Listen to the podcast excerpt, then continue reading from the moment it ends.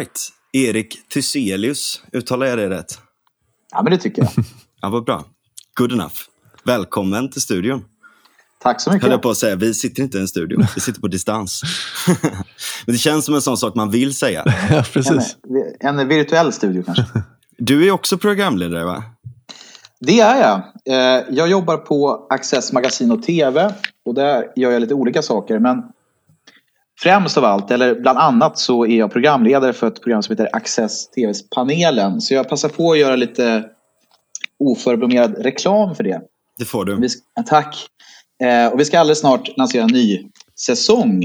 Eh, så det ska bli jätteroligt. Och det är tre gäster och så är det tre ämnen och så är det, pratar man i en halvtimme om det. Det sänds eh, där man kan hitta poddar och eh, i Access TV.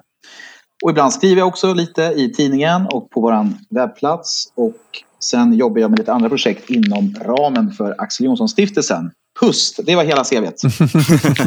Stabil. Eh, det är ju public service på riktigt, Access. Mm. Absolut, oh ja. Oh ja. Precis. Det är inte ens, det är inte ens liksom tvångsfinansierat på något sätt.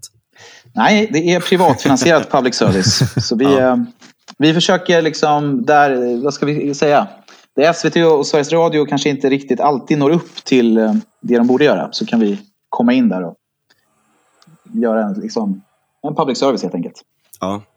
Ja, men det är väldigt bra. Mm. Du är också, vad jag har hört och fått rekommenderat till mig, en expert på Tyskland. Ja, jag gillar att följa Tyskland. Jag har bott i Tyskland i ett halvår, pluggade tyska på både gymnasiet och universitetet. Expert är, ett, det är en fin titel. Ja, eh, Vi får se om jag, lever, om, jag, om jag lever upp till det. Men jag, för, jag försöker följa tysk politik så gott det går och det skriver jag också om. Framförallt på access.se. Mm. Tysklandskännare. Alltså, det är bra, ja, det, bra det, suffix. Ja, tycker jag. Jag, det, det, tycker jag. Tack. Det tycker jag. Expert låter väldigt... Uh, ja. Nej, men Tysklandskännare tycker jag är, det är jag bekväm med. Ja. Uh, expert låter också väldigt mycket som ett så här, tyskt ord. Vi, mm. vi hade en, hade en uh, diskussion med, vi träffade en, en, en grek uh, som tog med oss ut till en vacker sjö häromdagen. Och, Uh, han, uh, och så pratade vi lite om tyskarna ur ett så här, um, utomstående perspektiv. Och det här med att följa regler, vara väldigt kort och koncis med saker och uh, förhålla sig till det exakta är någonting som jag tycker, i alla fall här i Bayern följer väldigt mycket. Mm. Och bara det faktum att de använder ordet genau hela tiden. Mm. Som betyder precis exakt. Det är, deras, det är som göteborgarna säger gött ungefär. Mm. Det, det säger någonting om kulturen. Påminner de inte lite om svenskar i den bemärkelsen då, kanske? Jo, lite faktiskt. Fast mer. Fast mer, mer vuxna. Ja, exakt. Ja, Precis. exakt. Frans sa det i, om det var förra avsnittet, att, eh, Tysk... Förrförra. För, att Tyskland är som ett eh, Sverige för vuxna, va? ja, jag tror att det är Horace Engdahl som sa det först. Ja, just det. Mm. Men det är ju nämligen så att det är val snart. Eh, och jag har spatserat runt längs med gatorna och försökt tyda alla valposters. Jag tycker sånt är väldigt, eh, jag tycker att det är roligt, framförallt när man kan ha lite distans till det hela. Man behöver inte bli arg liksom, för att någon tycker någonting som är fel. Mm. Sådär. Eh, för det påverkar inte mig så mycket. Men, men det är rätt spännande, spännande att höra lite om, om det här. Och Det är lite därför vi har bjudit in dig idag. För att det känns som att man har väldigt dålig, på tal om public service kanske, då, att man har rätt dålig koll på Tyskland och tysk politik. Mm. Ja, jag, jag håller med dig och inte. Jag, jag, kan säga så här, det har blivit avsevärt mycket bättre bara de senaste mm. året, eh, två åren. Eh, så det finns bra korrespondenter, eh, framförallt på Sveriges Radio. Caroline Salsinger gör ett utmärkt jobb. Lina Lund eh, som var Berlinkorrespondent, jätteduktig. Mm. Ja, eh, henne har jag läst lite. Ja, och nu är det Lovisa Herold som är kanonduktig också. Och vad jobbigt, mm. nu måste jag nämna alla som, som rapporterar om Tyskland.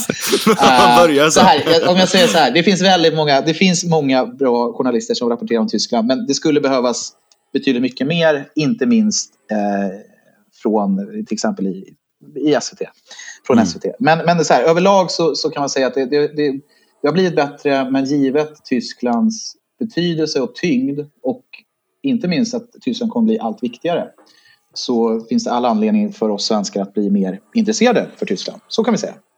Mm. Mm. Verkligen. Vad, och nu är det ju också så då att Merkel avgår ju efter, hur, hur många år har hon suttit där? 16 eller något sånt här? 16 år. Mm, ja, ja. Snyggt att jag kunde det. Ja, verkligen. Ja. Imponerande. ja, eh, vad, så, vad, vad har det för betydelse? Det har jättestor betydelse. Det blir... Eh, alltså det, det, är verkligen, hon har ju präglat tysk politik under så lång tid. Så att Armin Laschet, vi kommer att komma in på honom senare. Men han, Armin Laschet då som är CDUs nuvarande partiledare som är Merkels efterträdare. Vi ska också komma ihåg att det faktiskt var en person mellan efter Merkel och Laschet och det var ju eh, Annegret Kramp-Karrenbauer. Hon, blir, hon är lätt lite bortglömd och det är synd.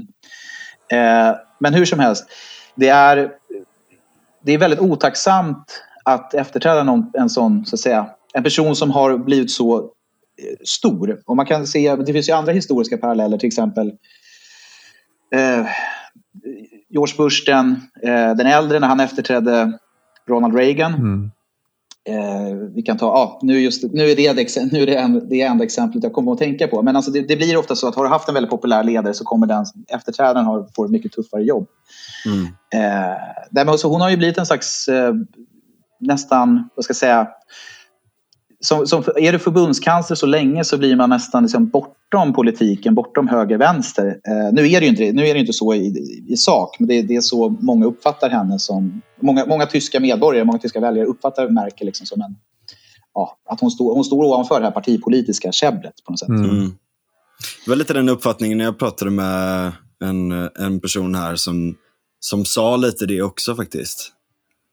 Uh, just det här att det, alltså, hon har kunnat separera rollen som representant för CDU, alltså Kristdemokraterna, uh, och sin roll som statsminister på ett väldigt snyggt sätt.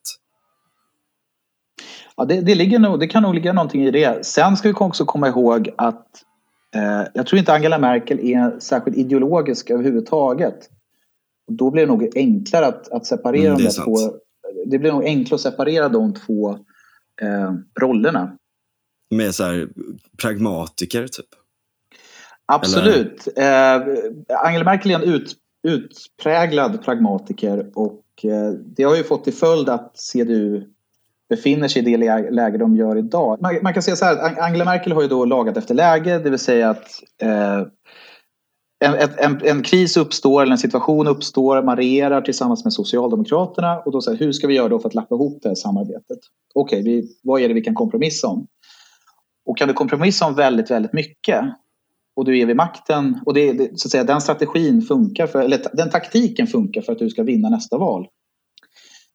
Då kommer du till, om, det, om, om du är vid makten för länge då kommer till slut ditt parti bli ganska tomt på idéer. Vad är ja. det liksom Kristdemokraterna står för egentligen? Mm det här är ju den, kritik, den tyngsta kritik kan man säga som riktas mot Angela Merkel. Att hon i brist på en egen ideologi så har hon liksom partiet då eh, triangulerat sönder sig själva. Eh, mm. läget påminner ganska mycket om det som eh, Nya Moderaterna ställdes inför 2014.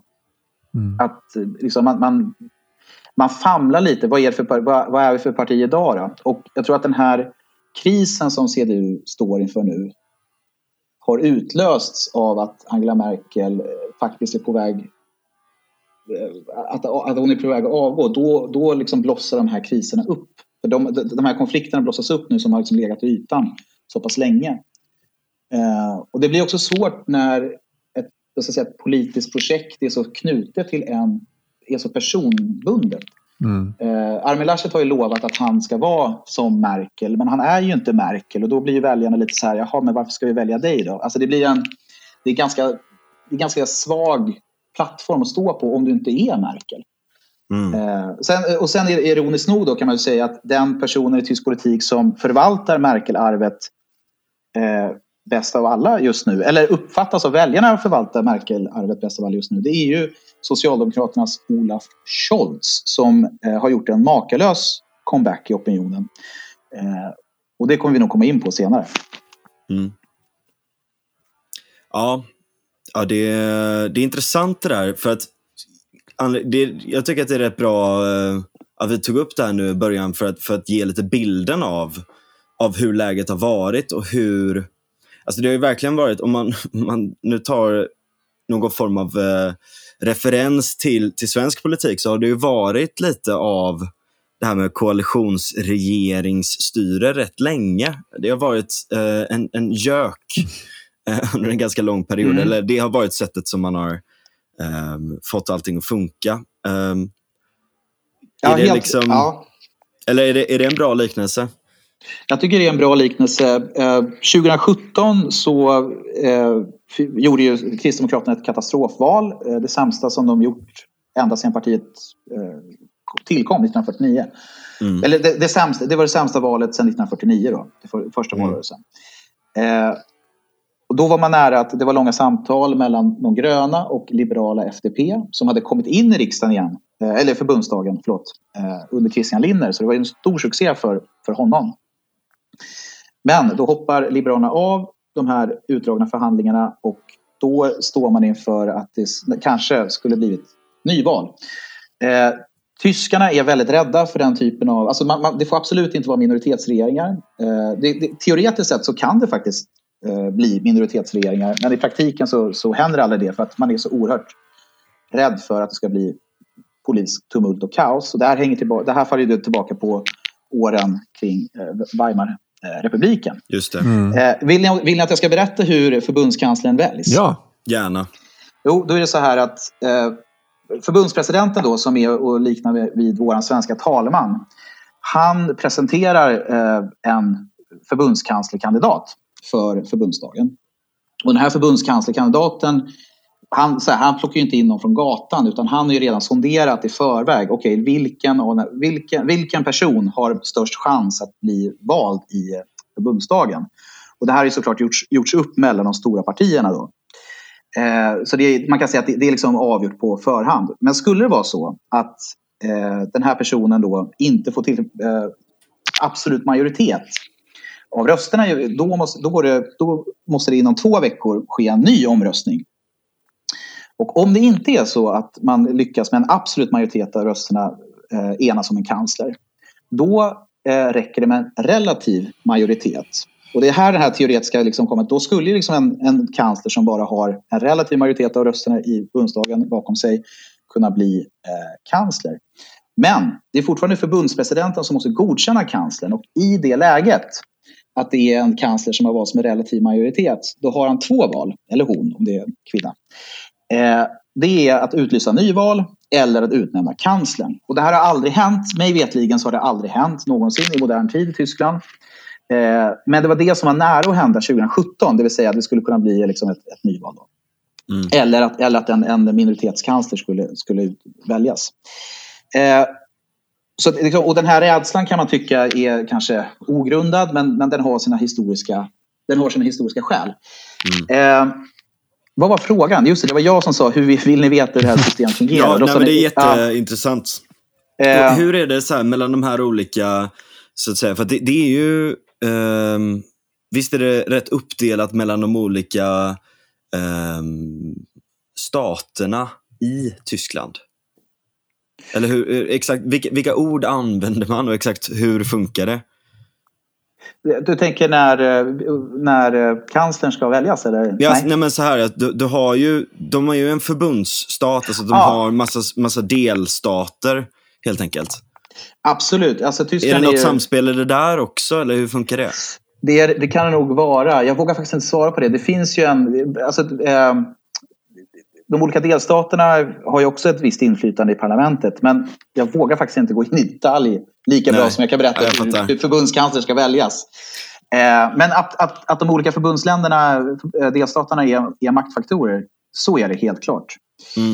Eh, men, det här, men det här var mer som en bakgrund för att förstå liksom, varför, var, varför, tyskarna, varför är det så viktigt vilka som är kandidater till, till eh, kanslerposten.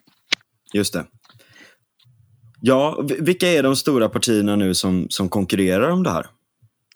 Då är det först Kristdemokraternas Armin Laschet, eller förlåt, ja, Kristdemokraterna med Armin Laschet. Eh, och sen har vi Olaf Scholz för Socialdemokraterna och det, det Grünens Anna-Lena Baerbock. Eh, och det är ju som vi ser ut nu så verkar CDU ha parkerat sig på ungefär 20 procent. Eh, det är inte bara en, i flera mätningar nu i rad så har de legat ungefär där. Men mm. senast jag såg idag så låg de på 20 procent och SPD på 25 procent. Så det verkar vara, för stunden i alla fall, det, där det har stabiliserat sig. Eh, så det är en otrolig comeback för, för social, Socialdemokraterna. Det är, eh, Just det, för de låg väldigt lågt ett tag va? Absolut, de har ju då eh, de senaste två, tre valen så har det ju gått väldigt, väldigt dåligt för dem. Man har till och med varit nere på kanske 10 procent, 9 procent här för två, två år sedan. Eh, så liksom det, man, man pratar om att liksom det höll på en, en slags passokifiering även av, av, av eh, de tyska socialdemokraterna. Mm. Sen händer någonting och det är ju då att Olaf, Olaf Scholz eh, blir eh, kanslerkandidat och han... Man kan säga så här att hur mycket som är just Olaf Scholz och hur mycket som är Armin Laschets och Anna-Lena Baerbocks misstag. Eh, det, är nog, det är förmodligen en faktor av de båda. Så motståndet har inte varit så himla superstarkt. Mm. Och Laschet och, och Baerbock har gjort upprepade misstag och de har snubblat på varandra. Och då har Scholz liksom kunnat utnyttja detta genom att för det mesta sitta still i båten och framstå som väldigt statsmannamässig. Eh, mm. och, men det, det, det, en intressant sak också vad gäller eh, Scholz är ju att han internt i SPD så har han ju inte jättestark ställning för att han kandiderar ju till att bli eh, han är inte partiledare för SPD utan SPD har två andra partiledare. De heter Saskia Eskens och eh, Walter Norbert Borjans. Jag hoppas jag sa hans namn rätt nu. Eh, och de är ju två personer som är betydligt mer till vänster om Scholz. Scholz är ju en slags mitten vänstersosse, eller socialdemokrat. Han är påminner om Magdalena Andersson. att Skatterna ska vara höga och folk ska jobba. Och, ja, mm. ungefär så. Mm. Förenklat. Men de här två, Eskens och eh, Norbert Borjans, de är ju liksom lite mer Pierre Schori. Liksom så här, nedrustning och identitetspolitik är viktigt. En ganska, så att säga, eh, ja, verklighetsfrånvänd är väl ett starkt ord, men liksom en en politik som de flesta tyskar som har röstat på S inte tycker om. Mm. Eh, och det här är väl då de som är varnar för Scholz menar att ja, ni tror att han är en mittenpolitiker men han kommer få ge, han kommer att, vad heter det, han kommer få ge efter för de vänsterkrafterna i, i sitt parti. Mm. Eh, ja, just det, jag ska säga också att Saskia Eskens och eh, Borjans, de valdes ju av medlemmarna. De hade ju en medlemsomröstning. Och då lyckades då vänsterfalangen mobilisera. Eh, de började med medlemmar, de hade inte det tidigare utan, men nu börjar man med att det skulle vara direktval till partiledarposten och då vann de här två vänsterfigurerna. Så det, det, det, det är ju då eh, retoriken från, eller retoriken, det, det, det är varningarna från, från konservativa och marknadsliberala att Scholz är inte den här trygga eh, säga, mitten. Han, han, han, kommer inte lyckas hålla mitten. Mm. Eh, och om det blir så, det vet vi ju inte. Och det hänger också på mycket vilken typ av regering som vi faktiskt kommer att få se efter den 26 september. Mm. Ja, ja, det är intressant. Där är också... Det är ju, jag läste rätt nyligen, jag tror att Adam Sveiman skrev om det här med det sviktande underlaget i partierna. Att det är väldigt få personer som är aktiva. Uh, och att det blir på, på sätt och vis ett politikerkast och sånt. Och där blir det väldigt intressant då, mm. eh, ja, även, även utöver då att det är rätt få som ens är medlemmar så är det ännu färre personer som är så att säga aktiva. Eh, och det, det, är ju rätt intressant då för att är det mer demokratiskt då om det är en, en liten, liten grupp som ska göra interna omröstningar eller är det mer demokratiskt att kanske gå efter typ opinions mätningar och dylikt. Mm. Ja, det, är, det, ja. onekligen en fråga för vänster, liksom väldigt mycket en fråga för, för vänstern eh, kan man ju säga. Alltså framförallt de som, som eh, värderar eh, så att säga majoritetsval eh, och val, själva den här liksom handlingen att rösta som en grund för handling Eh, det blir en väldigt stor fråga för dem. Liksom. Absolut. Jag tror att frågan har nog en större... Det är nog mer laddat för vänstern än vad det kanske är för de mer konservativa partierna. Eh, mm. Det skulle jag nog tro. Absolut. Eh, jag har svårt att se att CDU, ja, man, man ska aldrig säga aldrig, men jag har svårt att se att CDU skulle ta efter eh, SPD. Inte minst då när man, det här tumultet då som ledde fram till att Eskens och Walter Borjans faktiskt valdes. Men å, å, andra sidan, nu går det ju väldigt bra för SPD. Eh, till stor del förmodligen för att de mest radikala rösterna inom, inom Socialdemokraterna, de tyska Socialdemokraterna, de ligger ju väldigt, väldigt lågt nu. Eh, de säger ju knappt någonting. Eller så här, mm. eh, det finns en annan person som heter Kevin Kühnert och han kommer från Berlin och var för detta eh, förbundsordförande för Jusos, vilket är ja, tyska SSU. Mm. Han är en väldigt utpräglad vänster socialdemokrat och han har ju förespråkat att det kanske i vissa fall skulle vara bra att staten tog över stora företag och riktade sig då mot bilindustrin. Och han har varit väldigt skeptisk till att alltså man ska, han, han, ställer, han, tycker inte det, han, han, tycker det är fel att eh, hyr, privata hyresvärdar ska kunna tjäna pengar på folks att, att bara bo. Då. Eh, mm. Så ja, men en väldigt, liksom, ganska radikalt brott med liksom vad, vad klassisk socialdemokrati är kan man tycka. Mm. Mm. Men han har ju då raljerat på Twitter och säger liksom att ja, men det är så patetiskt. Eller så här, han, det här är, titta vad de är rädda nu inom högern och tror liksom att vi ska, det ska bli någon så här supervänster eh, kliv nu om Scholz blir vald. För Scholz är så tråkig, eller så här, Scholz är ju verkligen en mittenpolitiker och sådär. Ja. Eh, Lite Daniel Suhonen. Eh... Ja, just det. Mm. Ja, absolut. absolut. Ja. Men, men, men det intressanta är ju så här att eh, är det här, och då är ju spekulationerna såklart för att de vet ju om att i det fall, i det fall att SPD skulle liksom göra en radikal vänstersväng så skulle ju liksom det här försprånget de har nu eh, gå miste. De har ju, de har ju lyckats fångat, hitta liksom mittenväljare, den här, den här eftertraktade väljargruppen och där riskerar du liksom som ett fiskstim att försvinna om någon eh, politiker på vänsterkanten inom SPD skulle börja twittra och det skulle finnas viss trovärdighet i att den här vänsterpolitiken skulle bli av. Min poäng är snarare så här att vi vet faktiskt inte så här, det, det, kan vara så att Scholz står för en mittenpolitik men det kan ju också bli så att, att SPD, eh, eller att att, att det kommer bli en, att Tyskland tar en vänstersväng. Det där är, ett mm. helt, det är en helt öppen fråga. Men de behöver ja. fortfarande komma överens med ett annat parti då? Ja, exakt. För att kunna driva ja. igenom? Ja. ja, exakt. Och då ska vi komma in lite på de möjliga eh, regerings, de möjliga ja. regeringskonstellationerna. Mm. Gud, jag bossar runt här. Jag bara... nej, nej, nej, det, det, är bra. Det är bra. Det är jättebra. Uh, nej, men för, för, då, för, för länge, det, det intressanta nu kan man säga, länge tänkte man att det här kommer bli någon typ av uh, Jamaica. Jamaica såg ganska, när, när SPD var stora, det vill säga liksom före sommaren kan man säga.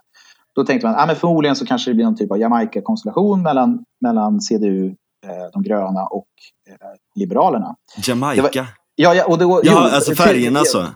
Förlåt, ja. Tyskarna är besatta vid flaggor vad gäller när man ska beskriva olika eh, regeringskoalitioner. Du har, du har, du har Jamaica, du har Kenya. Ja. Så du har Jamaica, du har Kenya, du har Tyskland. De har massa olika liksom... Eh, ja. det, det, allt handlar om, eller väldigt... De har någon fixering vid, vid flaggor. Eh, och det var inte givet att det skulle bli det, men det var liksom, om, om folk, när folk spekulerade liksom, så var det kanske, ja men det här är väl ett troligaste scenariot möjligen. Så här. Ja. Eh, och nu i och med att eh, CDU har klappat igen, eh, eller har tappat så pass mycket, så blir andra scenarier som inte var särskilt troliga överhuvudtaget har ju liksom blivit väldigt mycket mer troliga.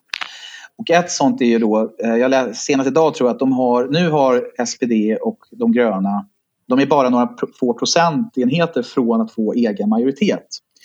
Eh, och då skulle du få en, en rödgrön regering och det har Tyskland haft förut eh, under Gerhard Schröder så det är egentligen inget nytt. Och då, så då, då ska man kanske När var detta? Jag tror det är valet 98. Eh, mm. Eh, och då, och då sa Gerhard Schröder, han beskrev, Gerhard Schröder är då för detta förbundskansler som idag jobbar åt Vladimir Putin. Eh, som styrelseordförande för Gazprom. Eh, han, han, han, ja, det, är, det, är, det är inte vackert, det är verkligen inte vackert. Eh, han, beskrev, han beskrev förhållandet då som mellan, om SPD var kocken så var, så var de Grynen kypare, liksom, att, liksom, Koch Kellner. Ja. Eh, och, och sen nu när Anna-Lena Baerbock, eh, när SPD var som störst i våras, då diskuterade liksom, och SPD var små relativt sett. Då, då, diskuterades att förhållandet skulle vara omvända. Att nu skulle liksom de Grynen ha kanslerposten och så skulle SPD liksom vara springpojken då, som skulle utföra deras Mm. eller liksom var liksom den juniora partnern. Mm. så, men, och, men, skulle det då bli ett, ett sånt, skulle det komma till ett läge där, där de rödgröna ensamt lyckas bilda, eller tillsammans lyckas bilda en ko koalition, då blir det liksom det 98-scenariot igen. Då, så att säga. Men det vet vi inte. det behöver inte bli så. Ett mm. annat scenario som är det som man kan säga att konservativa och säga, opinionsbildarna på högerkanten eh, varnar för, liksom, det, det är deras kraftigaste vapen. Det är ju att det kan bli en röd-röd-grön regering, det vill säga SPD, Die Linke och Die Grünen. Mm. Och eh, Die Linke är ju då det, det, vad ska man säga, resterna av det gamla socialistiska partiet i DDR. Mm. Eh, och de står ju då för en, en mycket radikal Eh, politik, ekonomiska frågor. Utrikespolitiken inte minst då att man har haft krav på att lämna NATO. Man har, man, man har en konsekvent en väldigt prorysk linje. Och nu har de signalerat, och Scholz har blivit pressad, eh, senast i en partiledardebatt, så blev han pressad på att ah, men, kan du tänka dig regera med de här? Och då sa han, han sa, han sa inte explicit nej. Okay. Eh, men han, Scholz är nog inte ett dugg sugen på detta. Och, han, och då har han sagt att ja, men de måste reformera sig, de kan inte vara mot NATO, de, måste liksom, de kan inte hålla på så som de gör i utrikespolitiken. Och nu har ju då De Linke visat signaler på att de faktiskt skulle kunna ändra sig. Säger de. Alltså, all, det, man ska komma ihåg att det här är ju liksom... Mm. Eh, den som vill ha en kompis skaffar väl hellre en hund eller vad det var man sa istället för i politiken. Alltså att det som sägs nu är verkligen allt annat än satt hugget i sten. Ja. Men det här vänsterscenariot är liksom det kraftigaste vapnet. Eller det, det, är, det, är, liksom, det, det, är det som det varnas för. Då skulle liksom Tyskland och liksom hela Europa nästan skulle liksom gå in i en ny vänstergir då. Och så skulle man få...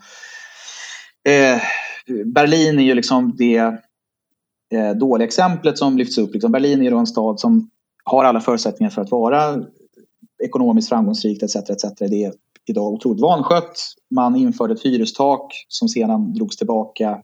Alltså man tar efter allt det dåliga inom... Alltså, man kan tänka sig, det, är som, det, är, det är ett skolboksexempel på hur man kan förstöra en stad ekonomiskt. Mm, och det har, ja. eh, det har eh, de röd-rödgröna i Berlin varit ganska framgångsrika med.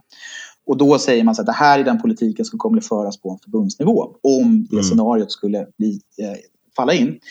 Vi får se om det blir så. Det är som sagt eh, det, det, det är mindre troligt att Scholz vill detta, men om det nu blir så, det vet vi ju faktiskt inte. Eh, det mer troliga scenariot det är ju då ett eh, trafikljussamarbete och då skulle det vara eh, de gula och det är Liberalerna, deras färg är gult. Sen har vi eh, de gröna, eh, Miljöpartiet och sen SPD, de röda. Christian Linner, han är en ganska tuff högerliberal. Han vill ha sänkta skatter och han tycker att eh, det här med vänsteridéer är liksom inte hans grej.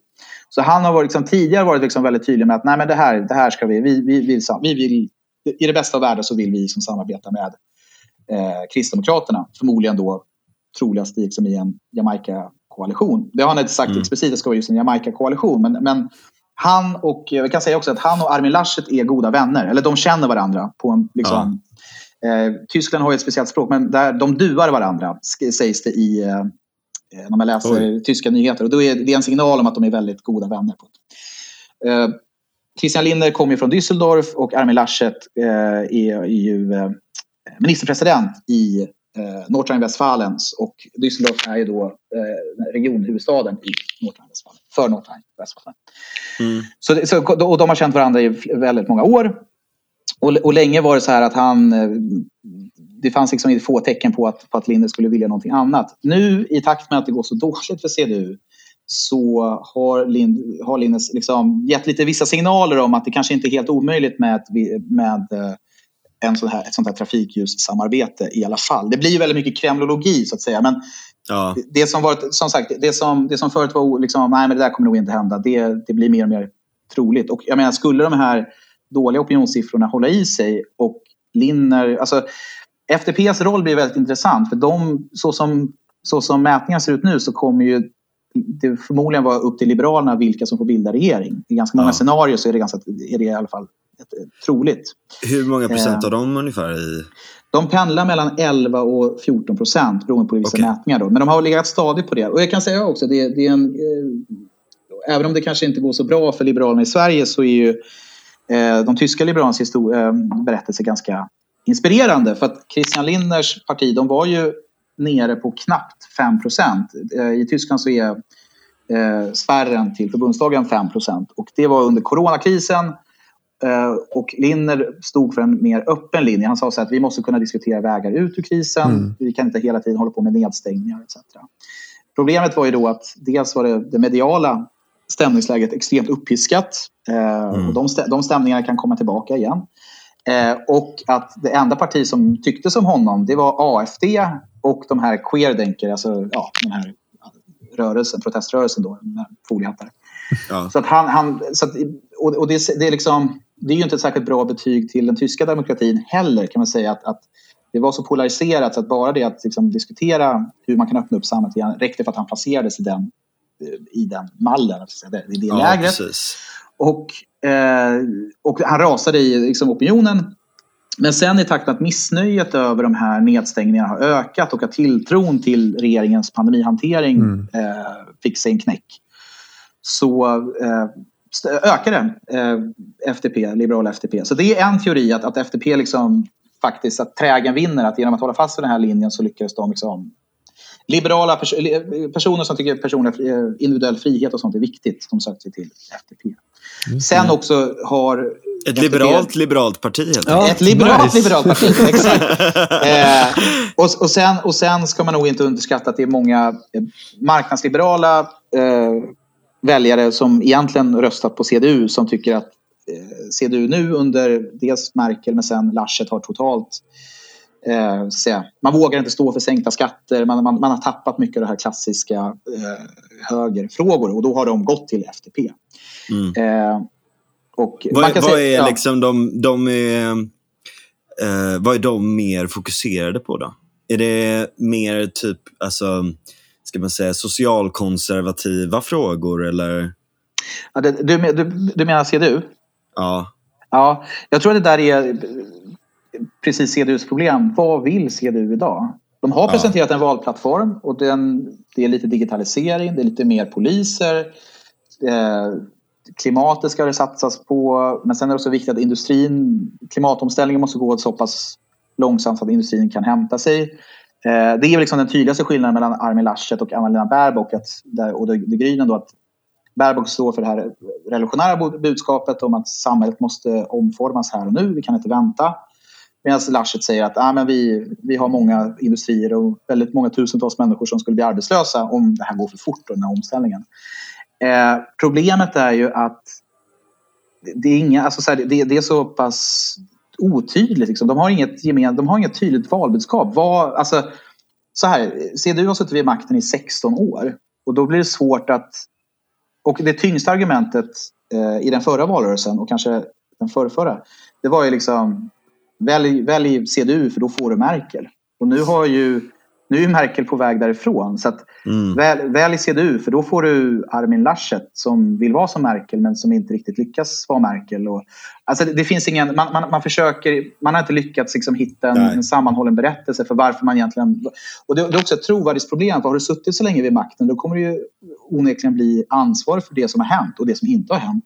Så att Laschets position när han försöker gå i opposition och säga att det här ska vi fixa och det här måste ändras. Det är ändå hans parti som har varit vid makten så pass länge. Mm, så, att det fall, liksom, han, han har en, en lite hopplös...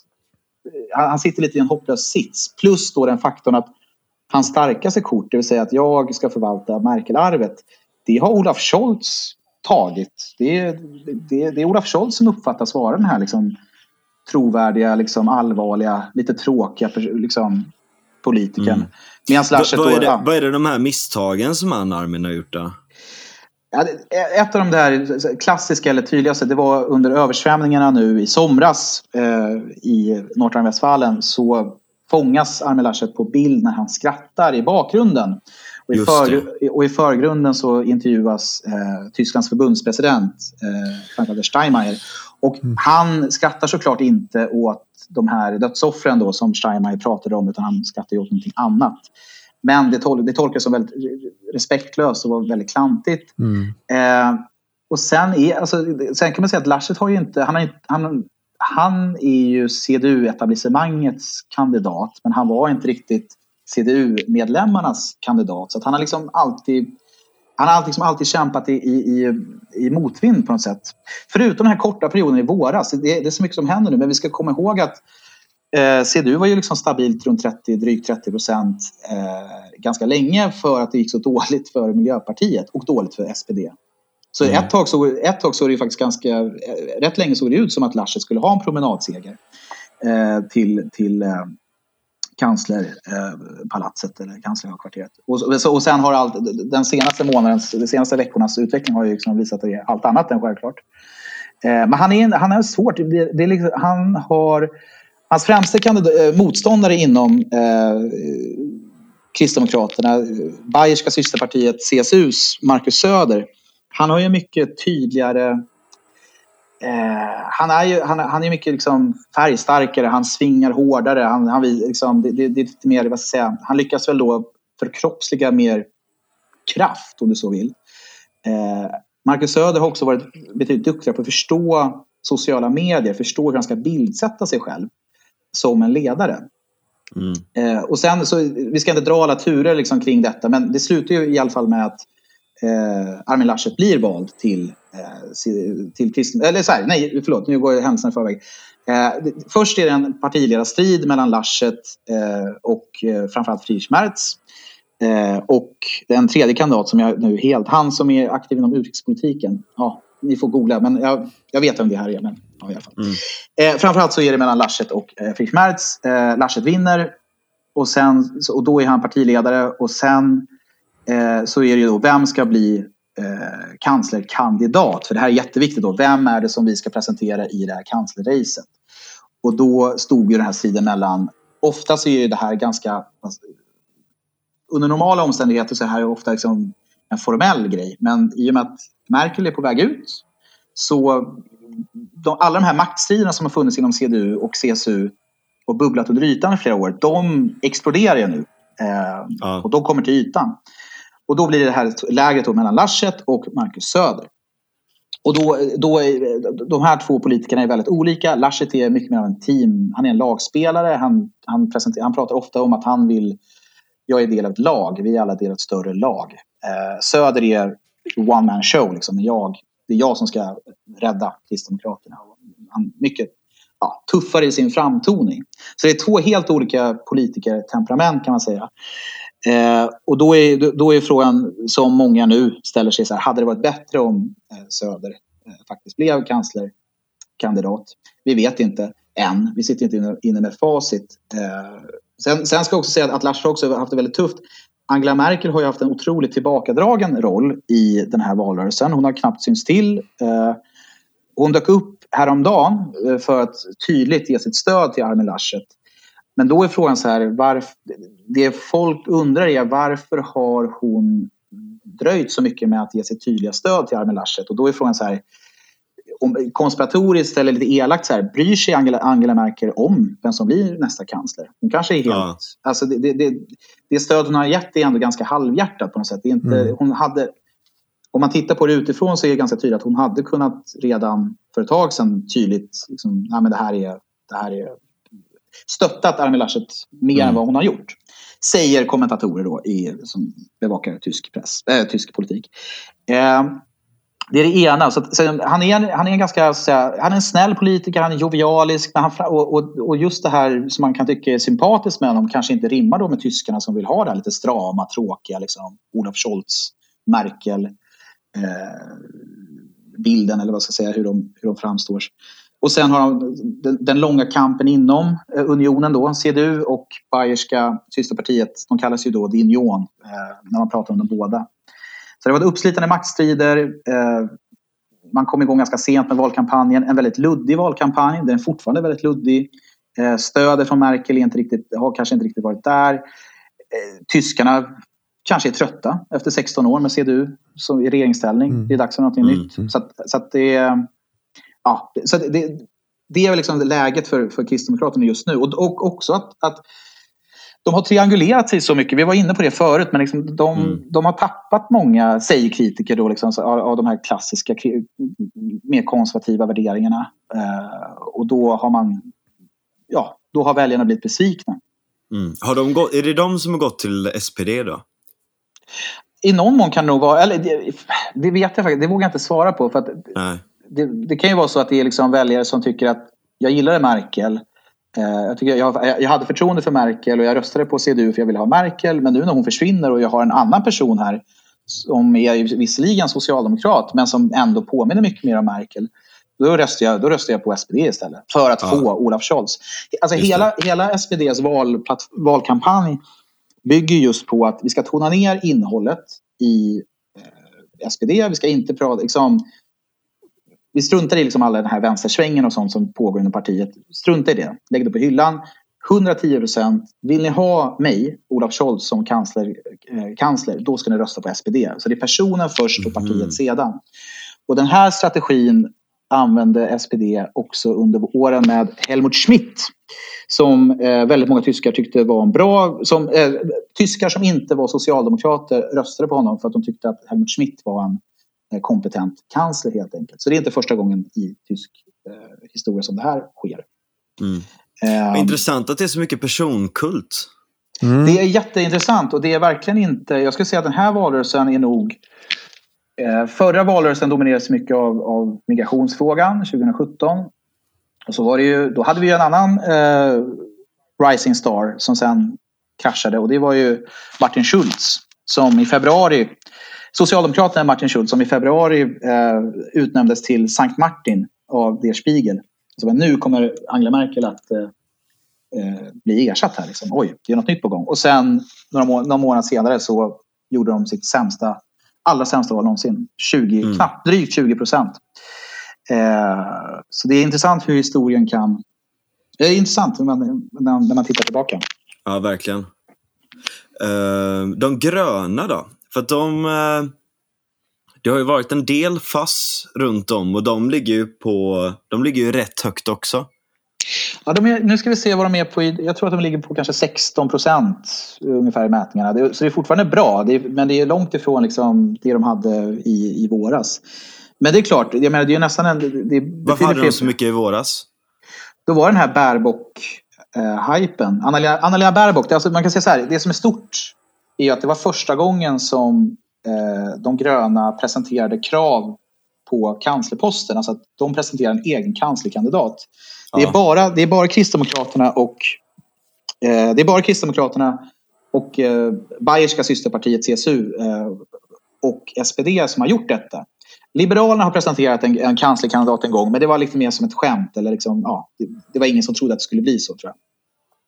Men, mm. men nu, nu när, när de gröna hade så pass mycket momentum och att de faktiskt gjorde anspråk på att eh, leda landet så, så liksom, då var det en stor grej. För liksom, nu, tar, nu blir de gröna verkligen ett, ett, ett så att säga, maktparti på riktigt.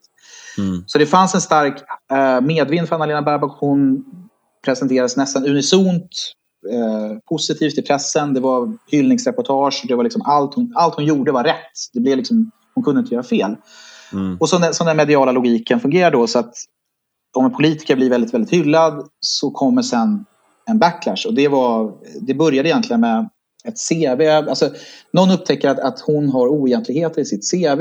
Och jag vet inte, för en svensk publik så framstår, framgår det, framstår det som kanske som inte så här, eh, ja, det är, väl, det är ju klart att politiker ska, upp, ska vara sanna i sina CV. Men det var liksom sakfel, det var lite saker som inte riktigt stämde.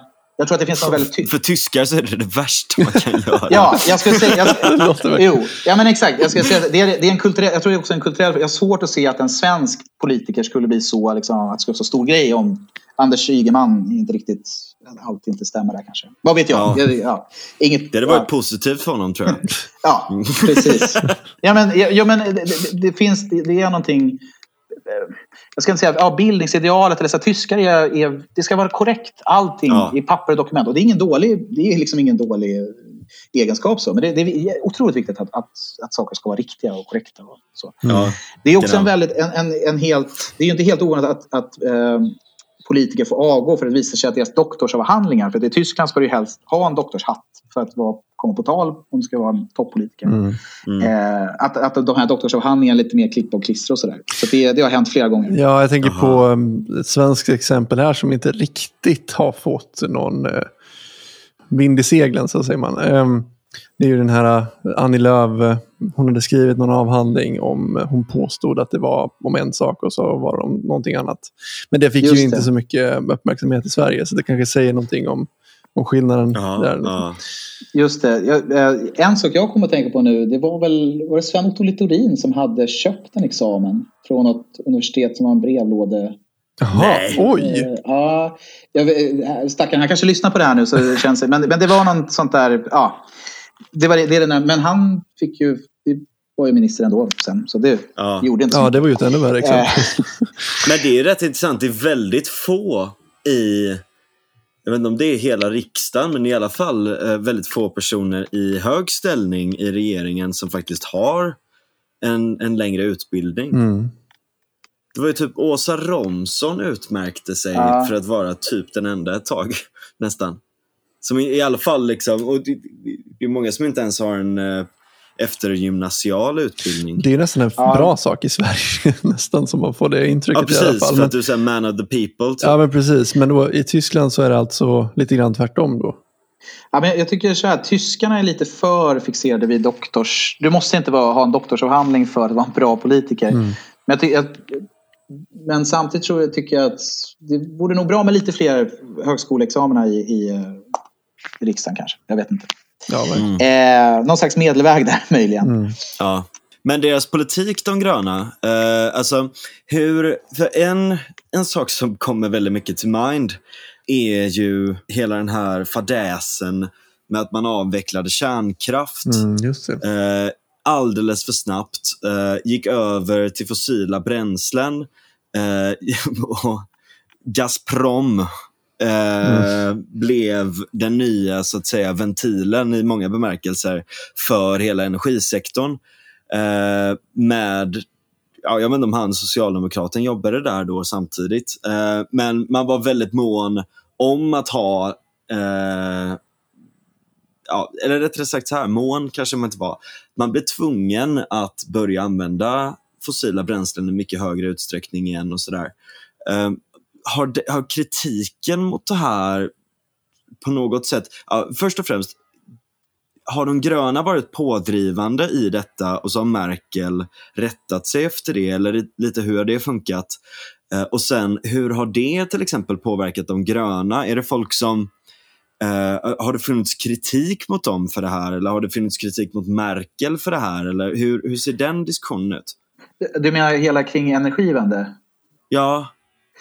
Eh, absolut, jag tycker det är jätteintressant för att hela Energivände är ju ett enormt misslyckande. Alltså, ja, syftet, som du var inne på, liksom, att syftet har varit att få ner utsläppen och ställa om. Och det du har fått är ännu mer kol och ännu högre utsläpp. Och dyrare eh, priser. Och dyrare priser. Så, att, så att det är en, jag skulle säga att det är ett miss, politiskt misslyckande över hela brädet. Eh, men, men om man tittar på, alltså, om man, om man rent krasst så, här, så, så, alla de här kalkylerna på hur Tyskland då ska kunna ställa om eh, sitt, sitt energiberoende eh, från fossil, fossilutsläpp och så vidare. Jag, jag kan inte se det som, ett, som ett luftslott och det är ingen annan som vet riktigt hur det här ska gå till i praktiken. Men ändå, jag kan inte hitta något bra exempel i svensk politik men det, det är som att det diskuteras inte riktigt på det sättet som det borde göra kan jag tycka. Så det, är, det är lite som en så här, det är så många som har investerat så hårt i det här nu så att då måste man låtsas som att det här kommer gå bra. Eh, det vill säga man, man, att man avvecklar, avvecklar kärnkraften och ska avveckla eh, kolkraften. Och De Grünen vill ju att man ska avveckla kolkraften redan till 2028, om inte ännu tidigare. Eh, och de andra partierna har förbundit sig då, eh, eller det finns ett, ett, beslut på att man ska avveckla, fasa ut kolkraften till 2038. Eh, och, eh, mm. och, och, då menar kritiker att redan det är, det är inte, det, redan det är inte eh, realistiskt. Så, det, så, så, hela debatten vad gäller utsläpp och sånt förs utifrån någon slags... Alltså det är en... Önskepolitik. En, exakt, det är en önskepolitik. Men, men, men hela... Alltså när, när Merkel valde att snabbavveckla kärnkraften i spåren efter Fukushima-katastrofen Eh, hon gjorde det, sägs det, för att liksom, hon såg att okay, vi kommer få en opinion nu mot kärnkraft och den kommer vara stenhård. Om inte vi motar Olle Grind så kommer vi förlora eh, valet då som skulle hållas 2012. Och då blev resultatet eh, den här energivänden. och, eh, men också ur ett strategiskt perspektiv så blev det att hela energifrågan fick en grön inramning. Det vill säga i och med att kärnkraften inte var på kartan längre så, liksom, he, hur, så som man diskuterar energipolitik i Tyskland sedan dess har ju varit ur ett ur Grynens perspektiv. Alltså man pratar vindturbiner ja. och man pratar så här. Det behöver inte nödvändigtvis vara fel med eh, vindturbiner och vågkraft. Men hela den här idén om att du ska eh, kunna avveckla kolet utan att det blir några större konsekvenser. Eh, eller att du ska kunna liksom, ersätta det med förnybart. Det, det funkar inte. Eller så här, liksom, den, den grund, de grunda kunskaperna... Man, man, kan väl säga lite så här att eh, man kanske ska fokusera på att få bort de fossila bränslena före man får bort kärnkraften. Ungefär så, precis. Ja. Eh, och det kan man väl säga kanske på längre sikt var väl det som bi har bidragit till De Grynens framgångar. Att, att CDU har accepterat, alltså man har eh, internaliserat motståndarens eh, problemformuleringar. Om jag ska vara lite mm. psykolog då. Men alltså det, det här med att man har man har, inte tagit, man har inte tagit de ideologiska, ideologiska strider. Man har inte orkat presentera ett eget alternativ. Utan istället har man... Man har liksom... Eh, man har valt att inte ta strider som man vet att man, inom citattecken, man vet kommer att förlora. Och det har till mm. slut lett till att CDU eh, idag inte har några egna idéer om någonting nästan.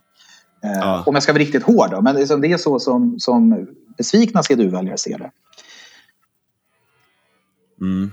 Men just det, sen ska jag också säga att det, det finns ju också en, en, en eh, den här undergångsstämningen som finns i, i det tyska samhället, den, den hakar ju väldigt bra Eh, den, den hakar i väldigt bra eh, hela klimatfrågan. För liksom, tyskarna har alltid varit oroliga för någonting. Antingen om det är någon typ av sjukdom eller någon istid eller ett atomkrig. Det finns alltid den här som man kallar Deutsche Angst, alltså en, en tysk rädsla för någonting. Och det förenar både höger och vänster. Så att mm det, det, man kan säga för, jordmånen för ett, ett miljöparti som vars tyngsta USP är att de varnar för att jorden kommer gå under. Det, det, finns, det slår an hos väldigt många tyskar. Alltså det, det mm. finns en... Ja, eh, det, det, de, det, det, skulle, det skulle kunna vara en anledning till att Lille har liksom, inte bara såklart, men att det är en fakt jag tror att det finns någonting där som, som, eh, som det spelar roll, spelar in. Sen ska jag också säga att de har ju professionaliserats. De har ju tagit steg eh, på sina partidagar så har de antagit nya partiprogram där de mest extrema kanterna har slipats ner, en del har fått vara kvar symboliskt och annat. Så det är klart att den här omdaningen till ett maktparti, den är ju väldigt eh, seriöst menad. Så, att, så att det, det, det, det, är flera faktorer som samverkar. Mm. Anna-Lena Baerbock och, och eh, Robert Habeck, det är ju verkligen... Eh, alltså, de är yrkespolitiker och de tillhör ju också liksom den realistiska falangen av det här partiet. Så det är klart att Eh, det har ju skett, ja, det, är liksom, det har skett någon slags mittenrörelse också från de Grinen. Eh, det får man väl säga. Ja, okej. Okay. Um, alltså åt, åt vilket håll? Att bli mer pragmatiska eller? Alltså, att, mittenrörelse kanske är mer, det kanske var en generös beskrivning. Men liksom att man, man har i alla fall blivit bättre på att presentera sitt eget innehåll som inte är fullt så radikalt ja. som, som, som, som det tidigare har varit. Eh, och sen, annars är de, mer, ja. de är liksom mer radikala än Miljöpartiet annars då? Det, det, det svenska? Ja. Ah, det vågar jag faktiskt inte svara på riktigt. Alltså det, de, det är lite svårt ja. att veta med dem just nu tycker jag. Jo, verkligen. Men sen, ursäkta, sen ska man ju säga det att det har ju exempel på väldigt framgångsrika eh, gröna politiker. I eh, Baden-Württemberg så är det ju en Winfried Kretschmann, han styr ju den delstaten framgångsrikt och lyckas och visa att man kan kombinera näringsvänlig politik med, med Grynens policies. Eh, mm. Men det ska vi också komma ihåg att det är en delstat. Alltså vad som sker i hans delstat och sen vad som sker på förbundsnivå, det är, det är inte riktigt samma sak. Då. Det är, ganska, alltså det är ett brett parti, det är ändå ett hyfsat stort parti så det är klart att du kommer hitta vad ska jag säga, näringslivsvänliga personer inom Grynen och så kommer du hitta ganska radikala politiker om du åker till exempel Berlin där de styr. Så att, ja, det är så. Tyskland är ett stort land. Ja. Det, finns, det, mm. det, det, är sällan, det är mer komplext än vad man kan tro. Verkligen. Men eh, hur är det då, alltså de gröna, är de, är de mer så att säga statsmanna, eller är de, är de statsmannamässiga nog? Är det ett tillräckligt, så att säga, ha, har de vuxit in i sin roll som politiker eller är de kvar i någon form av lite hippie... Eh, jag skulle säga att det har de, jag skulle nog säga att de har gjort det och det gjorde de nog redan med, med Joschka Fischer då som var partiledare eh, slutet på 90-talet, början på 2000-talet. Han var ju utrikesminister eh, och han blev ju väldigt kritiserad när han ställde sig bakom NATOs bombningar i Jugoslavien. Eh, det var många som tyckte att det där får du inte göra. Alltså han, han blev väldigt kritiserad inom sitt eget parti och sådär. Så, jag skulle nog säga att redan då visar väl liksom de Grünen att, att de har kunnat styra, varit med och styra ett land. Eh, det här är ju, sig, det här är ju länge sedan nu, sedan dess. Eh, men det är inte helt, alltså, så det kan de. Sen kan man säga att de här förhoppningarna som fanns på Anna-Lena Baerbock har väl kanske inte riktigt infriats. man, man, ville gärna, man ville så gärna att hon skulle vara den här statsmannen och liksom nästa kansler och det här, kolla. Och sen visade det sig att hon kanske vid de här prövningarna inte riktigt har levt upp till hypen. Eh, dels var det här CV som vi pratade om och sen var det en bok som han släppte, en självbiografisk bok där det visar sig att, att det är en del saker som är klippt och klistrat från Wikipedia utan källhänvisning och så vidare. Mm. Eh, alla politiker, eller alla ska jag inte säga, men det är inte helt ovanligt att politiker som kandiderar också ska släppa en bok för att visa hur dugliga de är. Mm, så det var ju en del i en PR, det var liksom en, en, en PR-bok kan man säga. Eller en okay. del, ett led i en PR-kampanj. Eh, och sen har det liksom varit lite olika frågor. Hon, har, hon fick ersättning, eh, hon har fått ersättningar från partiet, vilket i sig inte är fel.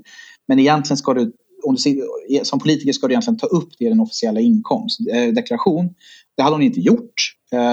Eh, och det som är pikant i det, här, i det fallet det är att miljö, eh, de Grünen har varit väldigt tuffa mot eh, FDP och CDU för de har haft liknande skandaler. Eller skandaler, liksom, de har haft liknande historier. Och då blir det liksom jobbigt när partiledaren själv då glömmer att ta upp, jag tror det var 25 000 euro, eh, som hon hade fått som bonus från partiet. Då. Mm -hmm. eh, och, hon har, och, och hela på det sättet märks att Grynen inte är det maktpartiet. Att man fortfarande är väldigt decentraliserat.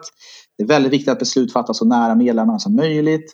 Vilket har gjort att bygga liksom professionella... Eh, jag lyssnade på en podcast eh, som gick igenom detta. Det var ganska intressant.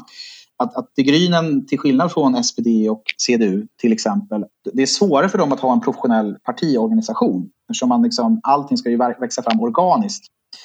Och då blir det jobbigare när du, när du får potentiellt jobbiga händelser som måste hanteras, skandaler, då, då, riskerar de att, då riskerar de att dra iväg innan man kan komma med en mot eh, kommunikationsplan. Liksom, mm. Och det där kan ju CDU och SPD bättre än De Grünen. Ja. Så det, är väl ett tecken, det skulle kunna vara ett, ett, en, ett tecken på att de fortfarande är liksom ett, ett eh, eh jag ska inte hippieparti, men ett, ett yngre parti än, ja, än sina kollegor. Ja, väldigt eh, intressant. Ja, jag hoppas AFD, ni tycker det. Jag bara, jag, jag, bara, jag bara orerar här. Ja, men det, Nej, det är superbra. det är superbra. Väldigt informativt. Ja, verkligen. Eh, AFD. Alternativ för Deutschland. De, har, de kom in i riksdagen 2017 och det var en stor stjärnsmäll. Framförallt så var det besvikna CDU-väljare som hade röstat på eh, AFD. Och det, det var en av huvudanledningarna till att eh, CDU gjorde ett så dåligt val. Eh, mm. Jag kan dra deras historia ganska kort. Jag tror att de, de bildas för, det är inte ens tio år sedan. Jag tror det är 2014, 2015. Eh, eller exakt när de grundas vågar jag inte säga, det kanske är 2013, ännu tidigare. Men det är alltså ett Junilistan då, det är ett, det är ett parti för en besviken akademikerelit och de tycker att de här stödpaketen som Tyskland uh, har skrivit under på inte är förenligt med den tyska grundlagen. Mm. Uh, och de tycker att EU överlag har för mycket att säga till om, EU har för mycket makt. Men det är inte det partiet som det är idag, det här muslimhatande invandrarfientliga partiet. Nej. Grenar, stora delar av är högerextremt kan vi säga. Mm. Ja. Eh, men det sker en radikaliseringsprocess. De personer som var med från början hoppar av eller manövreras ut.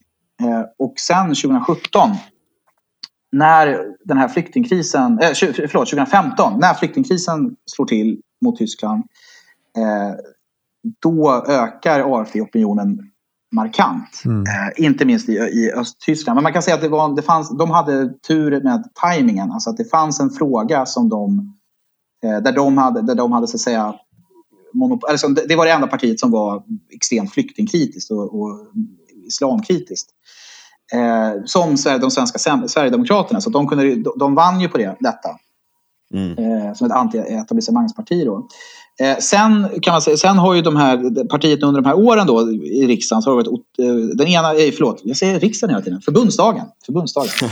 eh, så har det varit den ena skandalen efter den andra. De är, det, är kort, liksom det, det är ett öppet pro-Kremls-parti. Liksom de, de, får, de får pengar därifrån. Det har varit skan, olika skandaler kopplade till partibidrag. Eh, olika falanger som krigar med varandra. Eh, du har opportunister och du har övertygade riktigt obehagliga högerextrema figurer.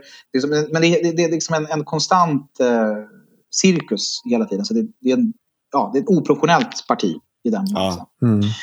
eh, Och de har väl liksom inte lyckats, de har inte lyckats eh, professionalisera sig. Sen, kan man, sen fick de ett nytt partiledare. Eh, de fick en ny partiledare. Eh, den ena personen, eller han var partiledare innan, han hette Jörg Moiten. Jörg Moiten är mer, jag uppfattar honom som en obehaglig eh, opportunist. Eh, det vill säga han, han manövrerade ut den förra partiledaren som hette Frauke Petri och då sa han att ja, men du är alldeles för snäll, liksom, du, du, är alldeles för mjuk i, i invandringsfrågan, du måste bort. Liksom. Och så kickades hon ut. Eh, och nu säger han, han vill ju bredda partiet och säga vi, måste, liksom, vi får inte vara för extrema för då kommer vi förlora de här väljarna. Liksom. Han vill, eh, ja, och, så det, det, min poäng är så här, det, det tyder liksom på att han har egentligen ingen, inte så mycket ideologisk egen övertygelse. Mm. Eh, begränsad i alla fall. Eh, den andra personen heter Tino Kruppala och han är en målare, från, eller en, en egen små, småföretagare från Saxen. Och han har kopplingar, eller han sägs stå nära den, med den högerextrema delen av eh, AFD. Eh, det är Flygel som nu är upplöst. Men det, fly, det, det Flygel eh, styrs av Björn Höcke. Han, han är då förbundsordförande i, eh, han leder AFD i Thüringen.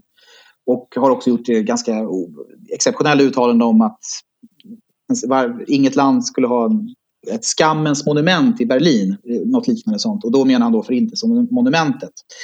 Eh, och han har gjort, liksom, så att det är en, en, en riktigt obehaglig figur. Och, och den, här, den här gruppen kan man säga har ju stärkt sitt grepp om AFD och Tino Kruppala, eh, även om han inte liksom pekas ut som medlem i den här gruppen så sägs han har då kopplingen dit.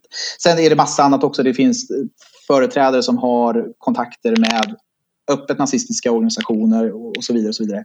Det finns också en faktor här, alltså att, att, säga, så att säga, skandaler som vanliga partier som skulle krossa vanliga partier rinner av AFD. Eller alltså det skadar dem inte på samma sätt för att mm. ribban är satt så lågt. Så att, det verkar inte riktigt fungera. Men i alla fall, de flyger iväg. Man kan säga så här. De går från det här junilistan rörelsen till något riktigt obehagligt. Och den utvecklingen verkar ju då fortsätta. Mm. Det finns också en, en klyfta mellan öst och väst här. Det vill säga att AFD är, snittar ungefär då 20 procent i de för detta DDR. De, de delstater som utgör för mm. detta DDR, Östtyskland. Och de ligger på knappt eller runt 10 procent i Västtyskland. Så det finns, det finns en, de är dubbelt så stora i, i eh, östra Tyskland som i, i västra. Så det, fin, det finns den dimensionen också. Mm. Okay. Eh, men jag skulle bara säga, för att runda av då, de har inte lyckats... Eh, alltså corona, coronakrisen har ju liksom tryckt undan migrationsfrågan och lag och ordningsfrågan helt på politiska agendan för stunden. Så att de har ju haft svårt och det, det blir liksom Absolut, de, de, de, var förvirrade till en början. Vissa tyckte att man, man ställde sig bakom regeringen och vissa var kritiska mot regeringen. Sen blev det liksom att ah, men vi är kritiska mot regeringen och vi måste öppna upp. Och liksom, ja, hej och eh, Eller all, allt regeringen gjorde var fel, punkt. Eh, men man kan säga att det, det blir svårare för AFD att hitta en, en fråga som är, liksom, faller naturligt i det här liksom, kulturkrigs... Eh, dimensionen, eller kalla det vad du vill. Liksom. Det. Ja. Så, så, men de ligger kvar på ungefär 10 procent i opinionen eh, och det händer inte så himla mycket. Eh, vad som vad som kommer hända framöver får vi se. Eh, det kan ju hända så att de inom nästa mandatperiod imploderar fullständigt. Eller att de professionaliseras. Vi får se. Jag tror att Tyskland, de här konflikterna det finns konflikter i Tyskland som ligger under ytan och bubblar. Och de har med identitet att göra, de har med migration att göra. Så jag tror beroende på hur eh, framförallt då CDU, eh, för det är därifrån de flesta missnöjda, många missnöjda väljare har gått till AFD. Så beroende på hur CDU hanterar detta, inte bara, men eh, så får vi se hur, hur det kommer utvecklas. Ja. Mm. Ja, väldigt intressant. Där, där känns det ändå som att CDU tog ju debatten där tidigt och, um, och lät, lät det liksom inte bli en fråga där man ställde sig heller i anti bara, bara för sakens skull, utan att man, man tog man tog ett ganska pragmatiskt tillvägagångssätt. Liksom. Och Merkel var ju, det var inte det att man stängde gränsen helt, men man öppnade inte upp det helt heller. Och mm. kunde på något rätt sansat sätt hantera det. I alla fall bilden som jag har fått. Ja, jag, jag, ja, alltså jag skulle nog säga att det har skett, det har skett en kursomläggning och den har skett en ganska tydlig kursomläggning men den har inte kommunicerats, inte av Merkel och liksom, det har funnits en nu, man pratar liksom inte om 2015, man pratar inte om vi schaffen das, utan liksom det är så här, nu, nu har vi vänt blad. Mm.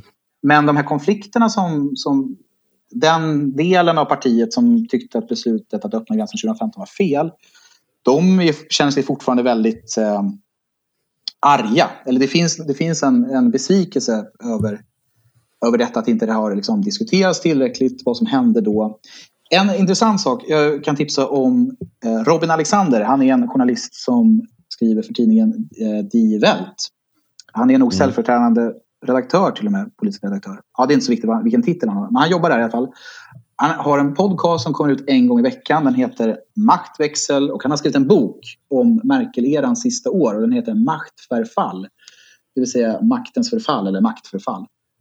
Ja. Och där beskriver han hur eh, AKK som var Merkels skyddsling eller som Merkel ville skulle bli, bli efterträdare.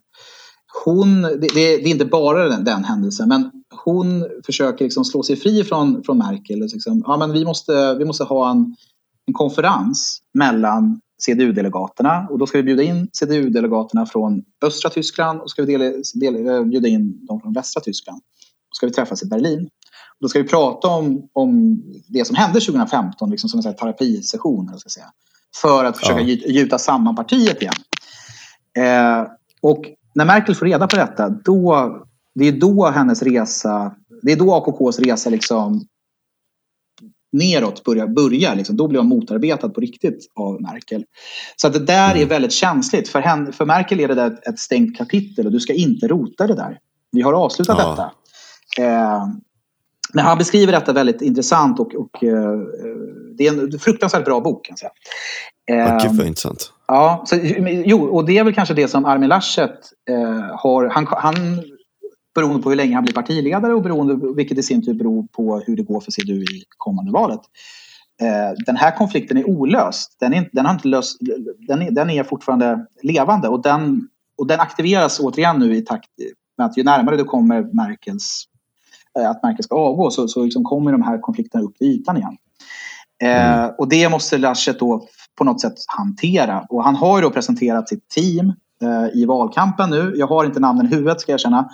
Eh, och det är väl lite så, för det här var häromdagen och det är väl lite sista minuten. Det, det, det, man säger är att det känns ganska hastigt. Liksom. Oj, vilka är de här människorna? Liksom. Och det var några okända och några mer kända i det här gänget då som ska vara så här, det här är mitt team, det är de här jag vill ska ha med mig.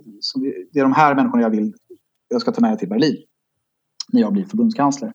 Den ena personen eh, är dock välkänd och det är ju Friedrich Merz. Och, eh, han är ju då tänkt att locka tillbaka eller åtminstone behålla eh, CDUs högerväljare. Eh, så han eh, är ju så att säga en, en att, att, att Laschet tar in honom är ju ett tecken på att han, han måste försöka liksom jäm, jämka med de här olika, liksom, de som gillar Merkel och står för en, mm. kallar det lite starkt mitten. Eller liksom, ja, det, det, det arvet som Merkel stod för och sen eh, Merz då, som, liksom, som vill appellera till besvikna CDU-väljare som står mer till höger. Ja, intressant. Ja, Liberalerna då, kommer de klara sig eh, bättre eller sämre? Eller vad, finns, det något, finns det något hopp åt det hållet? Nu känns det som att det är väldigt mycket så här, konservativa kristdemokrater som inte riktigt eh, som har tappat bort sig själva. Det är sossar på väg upp och det är mm. gröna på väg upp och allt sånt där. Men de liberala tankegångarna i, eh, i Tyskland, hur, hur mår de? Är de lite åsidosatta? Ja, väldigt dåligt skulle jag säga. Eller du bor ju i München, på att säga. Men ja. jag, jag tycker det är tydligt att FDP är det enda partiet som tydligt har gått ut med att man vill ha sänkta skatter, ökat, eh, ökad frihet för individen, eh, mer personligt ansvar etc. etc. Det har inte, alltså den här, vad ska jag säga, eh, förkärleken för mer stat, att staten ska gå in mer i ekonomin, att staten ska lösa människors liv mer och så. Den impulsen är ju jättestark och den har ju mm jag ska säga, under åren med Merkel, det behöver inte vara liksom att Merkel nödvändigtvis var övertygad att, att det borde vara så, men det har blivit så. Det vill säga mm. att man har haft de här stora eh, regeringarna mellan kristdemokrater och socialdemokrater och då har CDU fått leverera ja, socialdemokratisk politik helt enkelt. Det har skött, liksom, statsapparaten har ju växt under de här åren. Byråkratin har växt under de här åren. Men och, och, och, nu under coronapandemin så har ju statens inflytande över ekonomin blivit jättetydligt, supertydligt och de offentliga utgifterna har, har ökat. Och då har ju Christian Linner varit den enda politik, politikern som jag har hört i alla fall som säger att det här, vi måste backa bandet nu. De här ingreppen i ekonomin eh, som, som skett under corona, de måste, de måste vara bort. De, måste, de får inte vara liksom permanenta. Mm. Och, och medan Scholz då såklart, han tycker det är ganska göttigt att kunna ratta på spakarna och liksom höja skatter och liksom höja minimilöner och sådär. Ja. Eh, och det är inte konstigt, det är ju liksom givet, givet hans politiska, från hans ideologiska utgångsläge. Och från, men, och från CDU så har man inte, i, i och med att man har kanske det här arvet från Merkel, man vet inte riktigt vad man vill. Ja, men det är nog bra att ha lite, vi ska nog ha lite mer kontroll. Vi ska nog, ja men, liksom de här, eh, säga, sunda eh, konservativa instinkterna har liksom inte funnits där riktigt. Mm. Jag ska säga också att Laschet har ett, ett, ett, han var förut, för några veckor sedan bara, så var han väldigt tydlig med att han inte ville, han ville inte, han ville inte lova att han skulle sänka några skatter. Det är inte, liksom, det är inte läge nu. Vi är i ett kris och vi, vi kan inte, det är som Moderaterna 2010. Mm. Vi ska inte höja några skatter men vi ska inte heller sänka dem. Eh, nu när det går så dåligt för CDU eh, så har Laschet, nu gick Laschet ut där här och sa att vi, vi, vill, vi vill nog sänka skatterna, vi ska sänka skatterna. Eh, så att, och, och, det är ju såklart ett sätt för att eh, få tillbaka, liksom, desperat få in liksom lite besvikna CDU-väljare. Och, och, mm. vilket också liksom bidrar till hela Laschets problem. Då, att liksom ena veckan så säger han någonting och sen andra veckan så... Ja, det, det sätter ju bilden av en, av en eh, politiker som är lite velig kanske. Ja, verkligen. Men, ja, men jag ska säga så här att Tyskland är ett jätte... Eh, det finns ett enormt behov av reformer i Tyskland. Eh, de sista reformerna som genomfördes, ekonomiska, stora, det var ju eh, Gerhard Schröders Agenda 2010 där man slimmade socialstaten och eh, ja, liksom, gjorde Beroende på liksom vilken, vilken politisk hållning man har. Där. Så antingen säger man att man effektiviserade ekonomin eller säger man att man liksom gjorde det sämre för de fattiga. Och sen, sen kan man välja själv vad man tycker är sant. Men poängen är i alla fall att, poängen är i alla fall att Tyskland har inte haft några reformer av betydelse på nästan 16 år. Och det är väldigt ja, lång tid. Så att, verkligen. Eh, och, och, det, och, det, är väl också... Eh, man kan säga att det, det SPD genomförde under Schröder, liksom att, eh, Tyskland var ju liksom i slutet på 90-talet, början på 2000-talet Europas sjuke man. Det var ju en svag ekonomi. Mm. Ja. Sen förlorade ju såklart SPD valet för att de här reformerna var inte så populära. Och vem är det som får, kan liksom casha in på de här reformerna sen när de börjar kicka igång efter några år? Ja, det är ju Angela Merkel. Så hon har ju liksom haft ganska förspänt. Hon har inte haft, behövt ta de här jobbiga ekonomiska besluten. Utan hon har ju kunnat Nej. leva på sin föregångares eh, reformer. Lite krasst. Ja. Och då, och då blir det liksom, så att det här så, vad, har, vad har CDUs projekt varit under de här åren? Jag skulle säga att det har varit Angela Merkel och vad hon för stunden har tyckt varit nödvändigast för att partiet ska vinna nästa val. Mm. Ah. Och det har varit framgångsrikt. Men nu är den historien all och CDUs idéskafferi är tomt. Alltså det, ah, ja. ah. Så det är ett väldigt... Och Tyskland det, står inför ett behov. För det, det, man har ju lite bilden av att de är ansiktet utåt för austerity. Alltså så här, Absolut. Eh, att, att, att, vara rätt restriktiva med statliga utgifter och så. Um, Absolut, och det är ju en intressant fråga hur om vi står inför liksom någon typ av paradigmskifte nu om, om eh, ja, men säg att, att Olaf Scholz skapar en, en uh, vänsterregering. Eller, ja. ja. Då tror jag ju att de här, den, den tiden är förbi. Då kommer det nog bli mer staten kommer liksom gasa på mer. Det, det är jag mm. rätt övertygad om.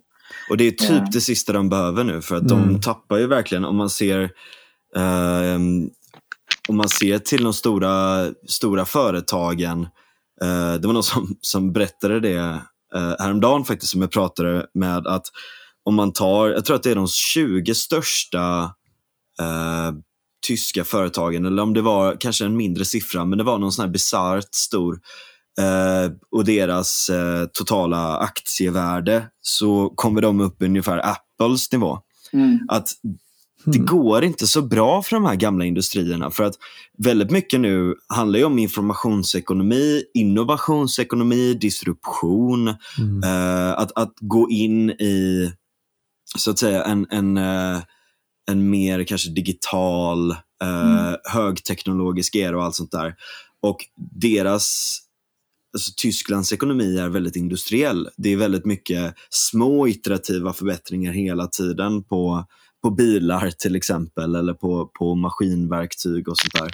När det kanske är i behov av mer utforskande, mer kreativitet och mer, eh, mer innovation helt enkelt. Eh, så att där, om någonting så är det väl att de skulle ju tekniskt sett kunna ta den här positionen som, som producenten av grön teknologi um, i, ett, i ett läge där med um, om de gröna till exempel får en stor um, en, en, en, stor roll i en regering så skulle de ju potentiellt sett kunna gå den vägen. Men det är ju ingenting som är taget för givet och det är inte heller säkert att, att de kommer vara jätteeffektiva på att göra det heller. Nej, du är inne på någonting väldigt intressant. Liksom, hur väl rustat är, är Tyskland för, för framtiden? Ja. Eh, de, de, är ju, de är ju i en säga, gammal, men de är liksom i en äldre... Eh, alltså det, de är väldigt beroende som du säger av, av tung industri. Den kommer ju finnas kvar. Men om det nu är så att, att framtiden ligger i, i eh, digitalisering, innovation, med mera, med mera, då är ju tyskarna lite illa ute. Mm. Och det är mm. också en sak som där CDU har haft ett, ett gud, det är, det, en timme och 20 minuter av CDU-bashing, det är inte min, det är inte mitt syfte. men jag bara säger, rent, rent sakligt så är det så här, CDU har ju haft det här löftet om digitalisering i över ett decennium. Och det har hänt ytterst lite under mm. Angela Merkels eh, tid vid makten. Eh, så, så det är liksom, jag tror att man kanske blev offer lite för någon slags självgodhet. Att if it ain't broke, don't fix it. Ja, men det här går ju bra. Ja. Vi, vi säljer våra bilar och mm. eh, statsskulden minskar. Och liksom, ja, men det här, det, det, vi, ja, men vi har en fax. Varför ska vi ha internet? En fax. Alltså, det, finns ja. en, en, en, det finns en förnumstighet som har fungerat Ja. Tills den inte längre gör det. Och då, och då står man liksom rustad för framtiden med en, ja, en fax. Ja. Eh, och, och, så kan man inte ens betala med kort. Och så kan man inte betala med kort. Visst, så är det. Och det, och det, har, ju kulturella, och det har ju också mycket kulturella eller historiska förklaringar. Men visst, absolut. Så det, där är en, eh, det tror jag är en jätteutmaning för Tyskland. Eh, så jag skulle gärna vilja se en, en... Det finns också en så att säga, riskminimering. Och det är inte, det, tyskarna är inte liksom annorlunda här än, än kanske vi andra europeer. Men ingenting får liksom vara farligt. Ingen, man får inte ta några risker utan staten måste kunna liksom ta, hålla med handen från vaggan till graven. Mm. Och det är någonting som både SPD och CDU har varit väldigt bra. Alltså man, man har, vad ska man säga, man har tillgodosett det behovet till, upp till en punkt där eh, tyskarna är helt liksom, riskaverta. Liksom, det får inte hända någonting ont alls. Mm. Eh, och, och, den, man kan väl se, kanske dra paralleller till Sverige också. Men liksom det här lite, skulle behövas någon typ av utforskaranda. Liksom, så här, någon, någon slags, ja, men, min, så säga, mindre regleringar, se, mindre regleringar, lite mindre stat. Alltså staten, kan, staten behövs, absolut. Men liksom, det, det, är mm. inte så att den, staten är inte den här garanten för innovation och att, att liksom, skatteintäkterna kommer finnas där även imorgon. Nej, eh, precis. Och, men, men som sagt, vi får se. hur Det, det, det är verkligen det är en så viktig ekonomi och det, det är så stort land. Eh, ja. Och vi, nu har vi ju knappt, vi har inte ens kommit in till EU och betydelsen för vad, vad nästa förbundskansler får för, mm. för EU-projektet. Nej, verkligen, verkligen. Men, så det, det, är väldigt eh, det är spännande tider, så kan man säga. Ja, mm. verkligen. verkligen. Ja, har du något jättekort att säga möjligtvis om EU innan vi avslutar? Min, oh, gud, jag är så...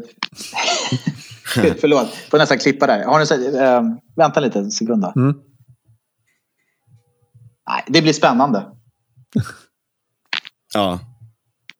Nej, det, är inte, jag kan, nej, men alltså, det, är ju, alltså, det, det är ju frågan om. Alltså, jag tror att oavsett vem som blir eh, förbundskansler, både Armin Laschet, eh, Olaf Scholz och Anna-Lena Baerbock är ju starka EU-vänner. Så jag tror nog absolut att, att vi kommer se den, den tendensen som varit ganska tydlig de senaste åren efter Brexit, liksom med liksom mer säga, starkare EU eller liksom mer fokus på jag, jag, tror absolut att det kan hända saker eh, mm. på ett strukturellt Kanske plan. mer driv åt federaliseringshållet.